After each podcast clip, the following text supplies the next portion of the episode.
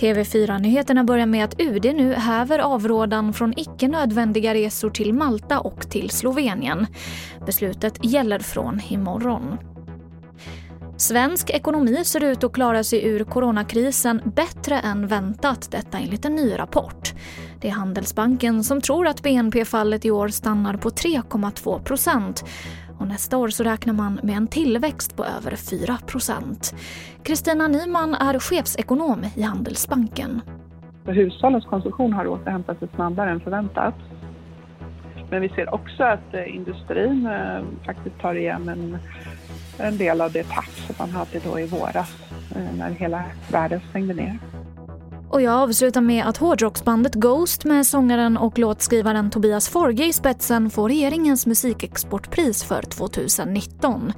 Forge tog emot utmärkelsen från utrikeshandelsminister Anna Hallberg vid en prisutdelning på Utrikesdepartementet i Stockholm i eftermiddags.